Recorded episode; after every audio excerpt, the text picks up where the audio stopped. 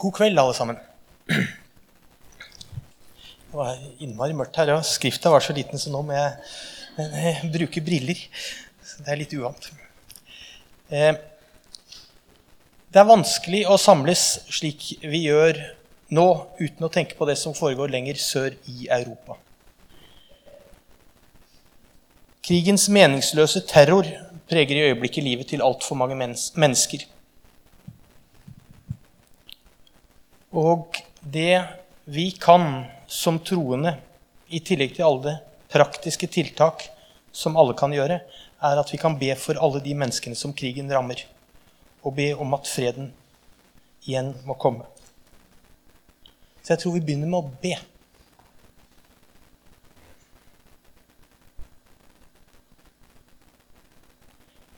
Herre Jesus, takk for at vi kan få lov til å komme til deg med alt det som vi er opptatt av. Og jeg syns Det er vanskelig å ikke være opptatt av den meningsløse krigen som foregår i Ukraina. Jeg ber deg være nær til alle de menneskene som den rammer. Jeg ber om å både gi håp og mot og styrke til å holde det ut. Og så ber jeg om at disse herskerne i verden må ta til vett.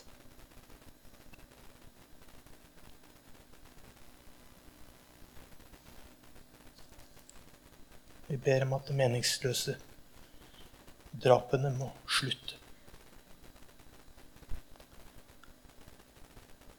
Amen. Det var en dyster påminnelse til å begynne med, men, men uh, likevel viktig. Vi har planlagt gudstjenesten her for noen uker av gangen. Så har vi serier med prekener som gjør at vi får, får lov til å fordype oss i noen temaer. Og uke etter uke etter uke så er det det samme temaet. Og temaet vi har nå, det heter 'Livet med Jesus'.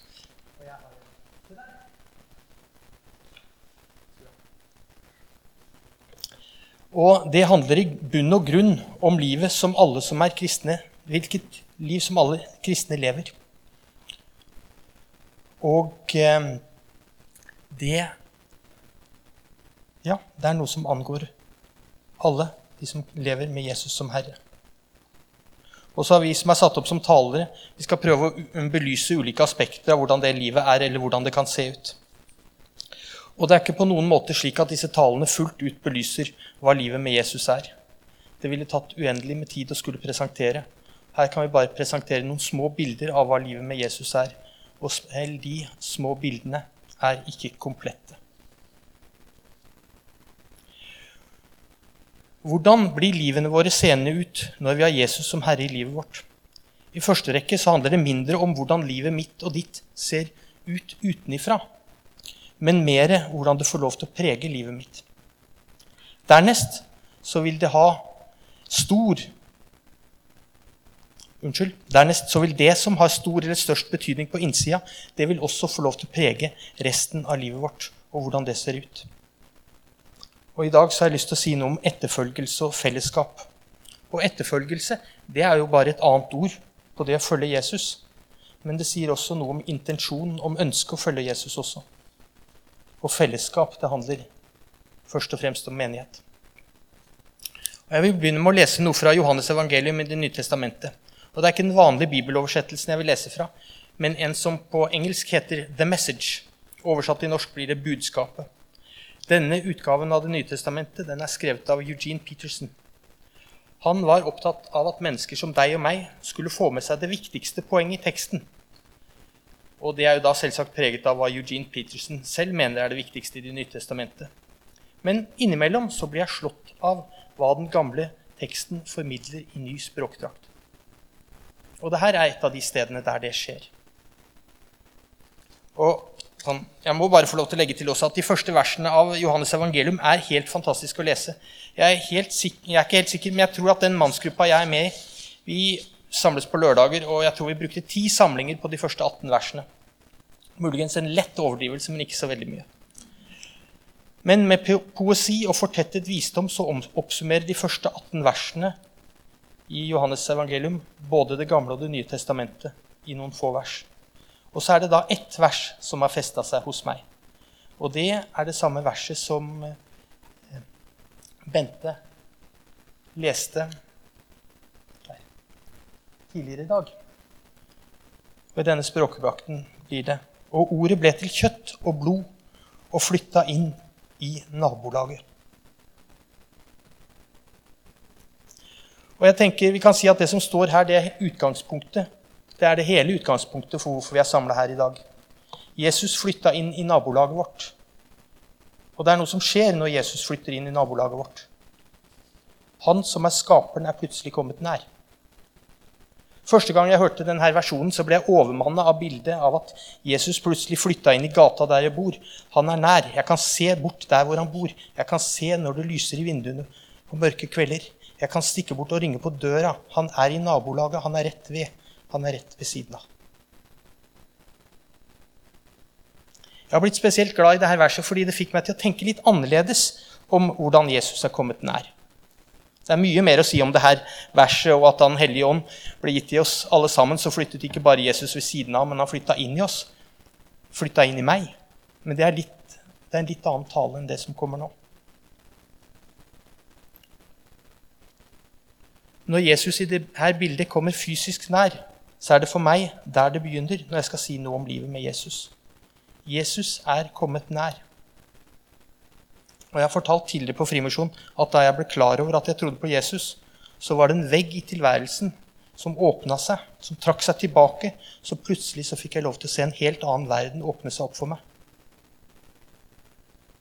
Det var ikke det at jeg hadde forlatt den fysiske verden, men det var rett og slett det at da fikk jeg en helt ny dimensjon inn i livet. En ny dimensjon som jeg kunne få gå inn i. Plutselig så var jeg gjenstand for Guds oppmerksomhet. Guds kjærlighet. Gud brydde seg også om meg. Han hadde flytta inn i nabolaget mitt. Og jeg, jeg kunne få lov til å ha et liv med Jesus.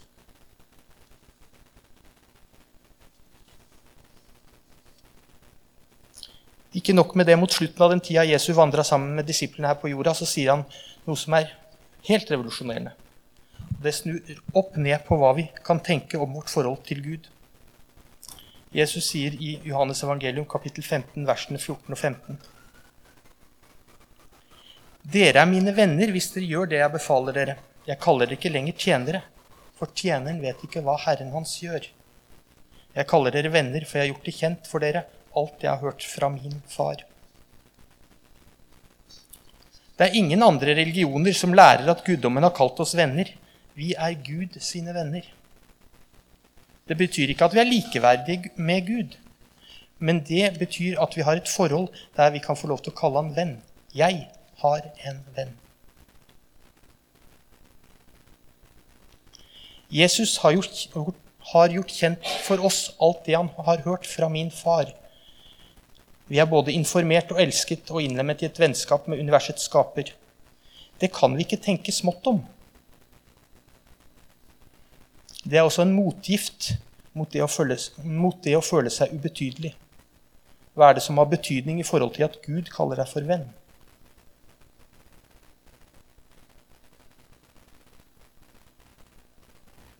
Mye av det jeg har sagt til nå, appellerer både til følelser og føles, følelsene våre. De utgjør jo en stor del av livet til hver og en av oss. Men det er ikke slik at Guds omsorg er avgjort av hvordan vi føler oss. Nå føler jeg meg elsket og ivaretatt av Gud, og i neste øyeblikk så føler jeg meg forlatt av Gud. Det er følelser som er viktige der og da, men Jesus har sagt det som et faktum at vi er elsket av Gud. Og hvordan jeg føler, og hvordan jeg føler meg, rokker ikke ved det faktum.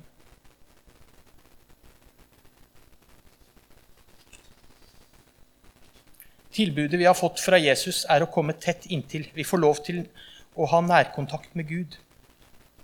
Og Likevel ser det av og til ut som om målet synes å være å leve så langt fra Gud som overhodet mulig, og likevel klare å oppfylle minimumskravene for å komme inn i himmelen. Som om det var det som var målet. Vi har fått vite at Gud har kommet nær da han flytta inn i nabolaget, og vi får være der sammen med ham. og ta imot Jesus for deretter å leve så langt som, så langt som overhodet mulig fra han. Det blir som å sammenligne meg med da jeg gifta meg med kona mi, som om målet mitt da skulle være å være lengst mulig følelsesmessig unna henne. Være tilbaketrukket, ikke møte henne, og likevel klare å være gift. Det er en absurditet. Det Jesus tilbyr, er intimitet.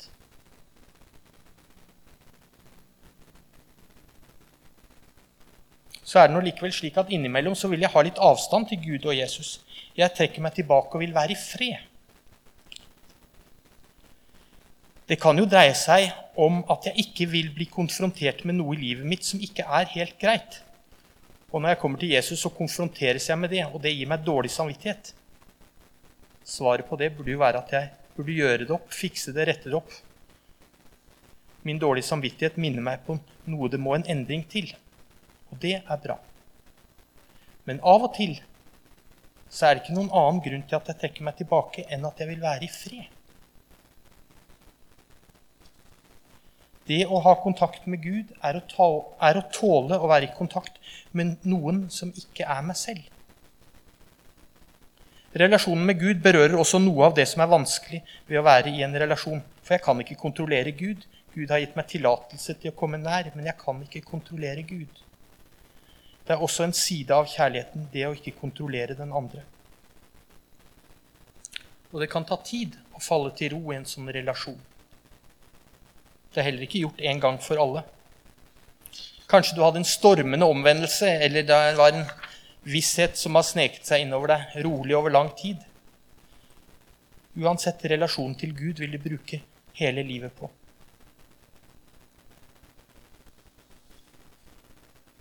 Men for at etterfølgelse skal ha noe som helst meningsfylt å si, så må vi vite hvem vi skal følge etter. Da må vi alle sammen stille oss spørsmålet hvem er Jesus? Det er helt essensielt at vi vet hvem vi følger etter, og at vi følger etter den rette. Jeg leste en gang et intervju med en ung mann som sa en sånn Gud vil jeg ikke tro på. Tygg litt på den. En sånn Gud vil jeg ikke tro på. For meg så er det der et helt umulig utsagn. Hvis Gud er Gud, så kan vi ikke velge hvem eller hvordan han er. Det er noe vi må forholde oss til. Når jeg tror på Gud som denne verden skaper og min frelser, så er jeg ganske så sikker på at jeg kan ikke fatte alt ved Gud.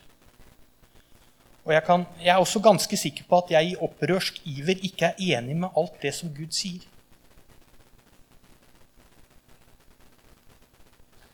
Men jeg har en tillit til at Gud skjønner mer og ser lenger enn det jeg gjør. Jeg kan, med, jeg kan med andre ord ikke velge hvem Gud er, men jeg kan strekke meg langt i å forstå hva det er som står om han i Bibelen, og hvem han sier han er. For så å søke han for å finne ut hvem han er. Men jeg kan ikke velge hvem Gud er. Gjør jeg det, så har jeg laget meg en egen liten privat Gud. Men det er ikke universets skaper og verdens frelse vi snakker om da. Det er en annen, helt liten privat greie. Det vi derimot kan si, og som Jesus ber oss svare på, er om vi vil følge ham. Det er både noe vi kan få velge, og noe vi må velge. Jeg har lyst til å sitere et vers fra Det gamle testamentet som jeg har sett mange ganger på plakater, på bilder eller som overskrifter. Og Det er hentet fra Josva i Gamle Testamentet. I kapittel 24, vers 15, så står det Jeg må bare se at jeg trykker rett her. derfor. Men jeg og mitt hus, vi vil tjene Herren.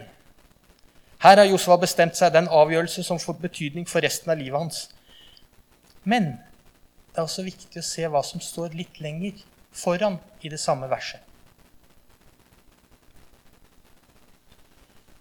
Men hvis det byr dere imot å tjene Herren, så velg i dag hvem dere vil tjene, enten de gudene som fedrene deres dyrket bortenfor elven, eller gudene til amorittene i det landet dere nå bor.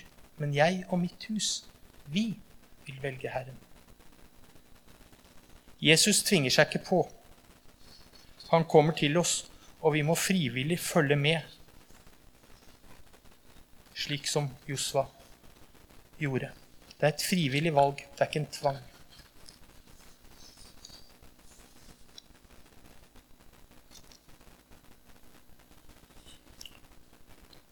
For meg så ble dette spørsmålet etter hvert også hvordan det her livet skulle se ut. Da jeg var konfirmant, så var det en ett år eldre gutt som het Rolf Bjarne, som ba meg med på Frimisjon. Jeg syntes han var veldig tøft, først og fremst fordi han spilte gitar. Han, jeg så litt opp til han, så da han meg, ba meg med om å være med på eh, ungdomsgruppa på Frimisjon, så ble jeg med. Og det var Den ungdomsgruppa den ble kalt for Junior. Og siden har jeg blitt værende.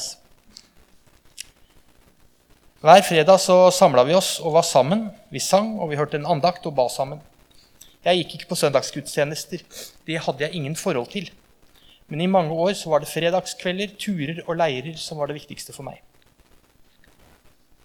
Og På den tiden så ble det også klart for meg at etterfølgelse også handler om tilhørighet. Jeg har lest om noen av de tidlige kirkefedrene som ble kalt for eremitter. De trakk seg tilbake i ørkenen eller til en hule eller satt på toppen av en søyle. Og så levde de der helt alene. Og det tror jeg er noe som er for de helt spesielt interesserte. For ellers så tror jeg at for de fleste av oss så tror jeg det er fellesskapet som er stedet å velge. Og det gjelder også fellesskap med andre kristne. Det fellesskapet hjelper meg å holde fokus på Jesus. Det hjelper meg å se andre sider av Jesus enn det som faller naturlig for meg og det hjelper meg mot å bli sykelig selvopptatt. Og i tider når bønna mi ikke har flere ord, så hjelper fellesskapet meg med å finne ord hos andre som kan bære mine bønner. Ikke minst så kan jeg få trøst og støtte i det samme fellesskapet. Det er også å leve med Jesus. I Paulus sitt brev til galaterne står det i kapittel 6, vers 2.: Bær byrdene for hverandre og oppfyll på den måten Kristi lov. En menighet som oss i Frimisjon er ikke en bygning. Men en menighet er de menneskene som samler seg for å tilbe, tilbe Gud sammen. Sammen for å feire gudstjeneste. Og så skal vi sammen bære hverandres byrder. Familien min har opplevd å få bli båret av det fellesskapet som menigheten er. Jeg vil nevne spesielt to ting i livet vårt som har vært veldig viktig for oss. Den ene gangen da vår eldste sønn ble født, og vi ble omsluttet av bønn fra menigheten vår. Og nå nylig som kona mi har mista begge foreldrene sine i løpet av noen ganske få uker, så opplever vi, vi, så opplever vi igjen å bli båret av bønner. Det er i løpet av årene blitt mange andre ganger da vi også har fått oppleve denne omsorgen fra andre mennesker i menigheten, enten praktisk eller i form av bønn. Og begge deler har fått ha store har fått, Blir litt tørr i munnen av og til. Begge deler har fått stor betydning for livene våre.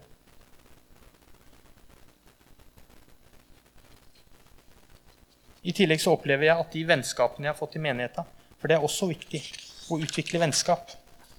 Jeg opplever at de vennskapene, når jeg åpner opp om hva som er vanskelig og viktig og lett og greit. Det som er spesielt viktig.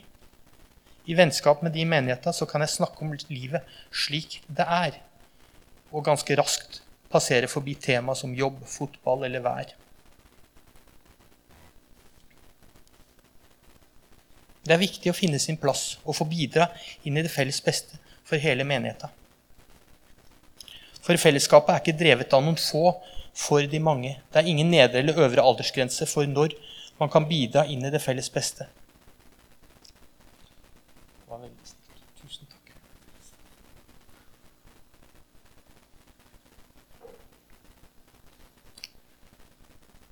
Hva man skal bidra med, det kan nok variere med årene. Men det er alltid en plass til både deg og meg. Og tro meg, det er ledige plasser for alle som vil bidra. Jeg vil snakke varmt om det fellesskapet som menighet er og skal være. Men i det så påhviler det også menigheta et stort ansvar. For det er ikke alltid så lett å bli en del av det fellesskapet. Det opplevde vi da vi bodde et år i USA for nå 11 år siden. Vi prøvde og prøvde, men det fungerte ikke helt. Folk, folk var mest opptatt med sitt eget og venner de allerede hadde fra før av. Jeg håper at vi alle og enhver kan øve oss i å se etter noen som trenger å få bli en del av fellesskapet. Jeg hørte en gang en som definerte hvor lenge man måtte gå i en menighet før det ansvaret gjaldt en selv.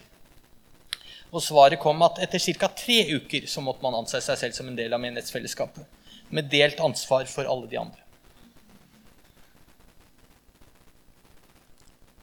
Jeg setter veldig stor pris på at menigheten vår har et stort aldersspekter. Da kan jeg få lov til å hvile meg mot de som har gått før, samtidig som jeg også kan få støtte de som kommer etter. For noen uker siden så ble jeg bedt om å være med på et økumenisk studentarrangement. For, med begrunnelsen, de ønsket å ha noen eldre forbedre der. Smak på den.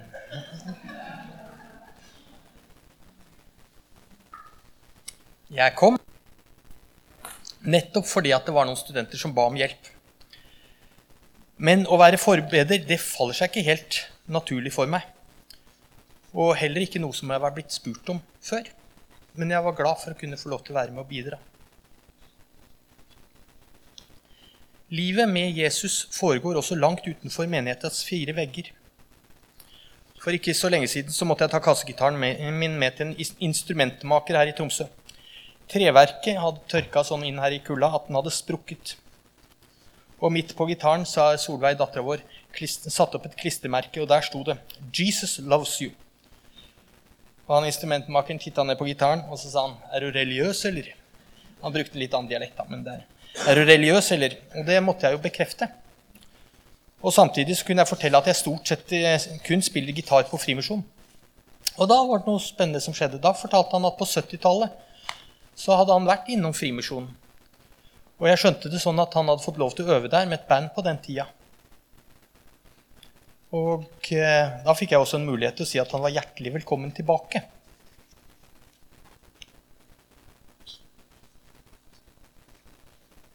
Så jeg har lyst til å si litt om det å være kristen på jobb. Jeg har ingen fasit på det, men jeg kan fortelle noe på min jobb. Jeg har liksom hatt den samme jobben nå i 27 år, så jeg er ikke en som stadig skifter jobb. Ehm, men ikke så sjelden når jeg er på eh, jobb, så ber jeg en bønn når jeg er på vei inn i noe vanskelig. En bønn både for meg sjøl, om at jeg skal få gjort jobben min på en god måte, men også for den som er syk, eller for de pårørende som står rundt, eller alt på en gang. Da får jeg noen korte øyeblikk der jeg kan få legge fram for Jesus det som er viktig nettopp nå, og be om at han hjelper til. En sommer som var ganske rolig, så gikk jeg rundt med ei bok i frakkelomma mi. Det var en bok skrevet av Philip Yancy som het 'Nådens gåte'. Og jeg syntes at det var en så glimrende bok, glimrende god bok at jeg, hadde, jeg ønsket å ha muligheten til å lese den også på jobb, fordi jeg visste at det var litt rolig da. Og eh, så den stakk jeg ned i lomma. Og den var jo litt større enn lomma mi, da. Men flere år senere så fikk jeg vite at en av de jeg hadde tatt imot på sykehuset den sommeren, hadde sett boka i frakkelomma mi og gjenkjent den. Og for den moren som hadde lest den samme boka, så følte hun at det å se noen andre kristne på jobb, eller der barnet hennes kom, det ga henne en stor grad av trøst. For gjennom å se den boka så følte hun at Gud så til henne der og da. Jeg ønsker også at mine kollegaer skal vite at jeg er kristen, så når det passer seg, så forteller jeg at jeg er engasjert i kirka. Eller at jeg skal delta på gudstjenesten og slike ting. Så får det være litt opp til dem å ta kontakt for å snakke om tro mens vi er på jobb. Og noen gjør det.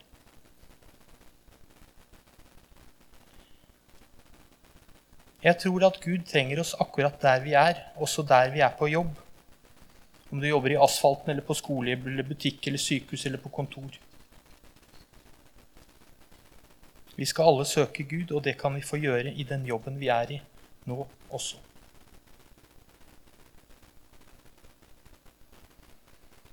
Og så har jeg brukt veldig mange ord da, for å si noe om etterfølgelse og fellesskap.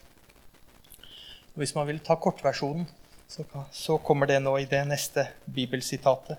Det er fra Matteus kapittel 22, 36-40.